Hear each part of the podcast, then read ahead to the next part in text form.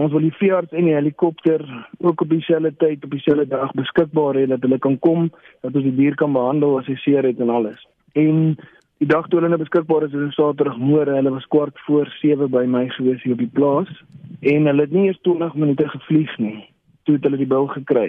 Toe sy klaar dood, gestroop, alles.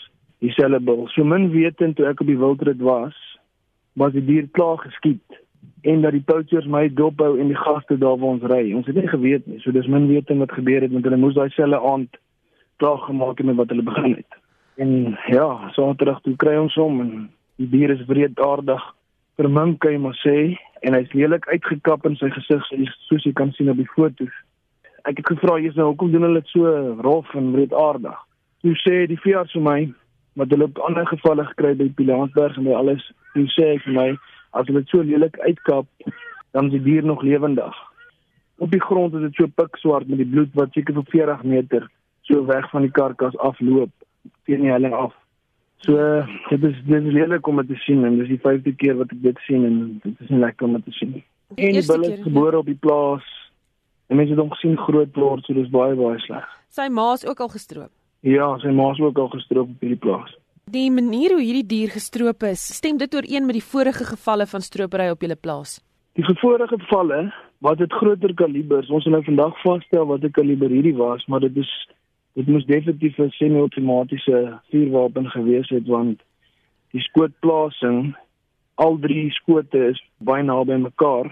So jy kan nie met 'n enkel skoot geweer al drie so by mekaar skiet nie. So dit was die vorige gevalle wat dit nie so nie, dit was groot kaliber geweest, dit was een of twee skote geweest met die ander gevalle.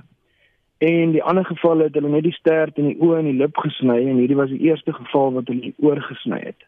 Maar daar is seker ander gevalle op ander reservate en plase waar hulle ook die oor afgesny het. So hulle mense is, kan ek sê, bekend met dit. Hoe vinnig het die polisie en die departement en almal wat hierdie tipe van gevalle ondersoek nou gereageer op hierdie geval van stropery? Op hierdie geval nou het hulle na my toe gekom, kom ons sê vir 3 ure na na ek hulle gebel het, na ek hulle laat weet het.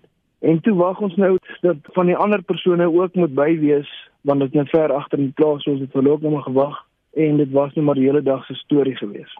So hulle het die uh, autopsie gedoen Saterdag, foto's geneem en en nou nou vandag gaan ons nou ek wag reeds vir hulle dan gaan ons die postmortem doen om vas te stel wat uh, kaliber hulle gebruik het.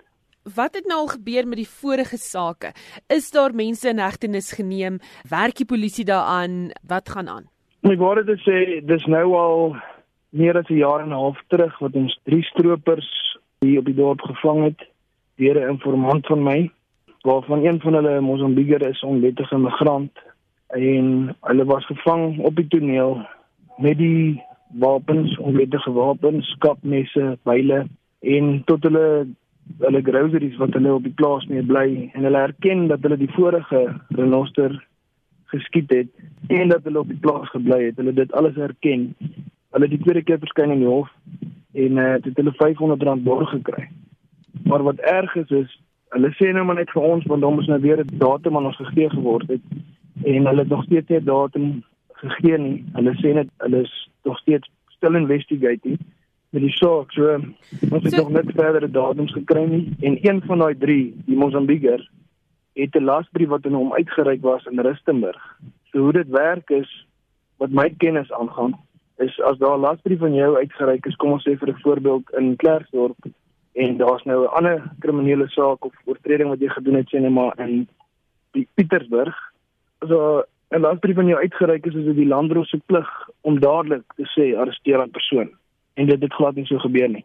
En die persoon het ook 4 adresse wat terwyl ons in die hof is, hy het 4 adresse waar hy bly in Suid-Afrika.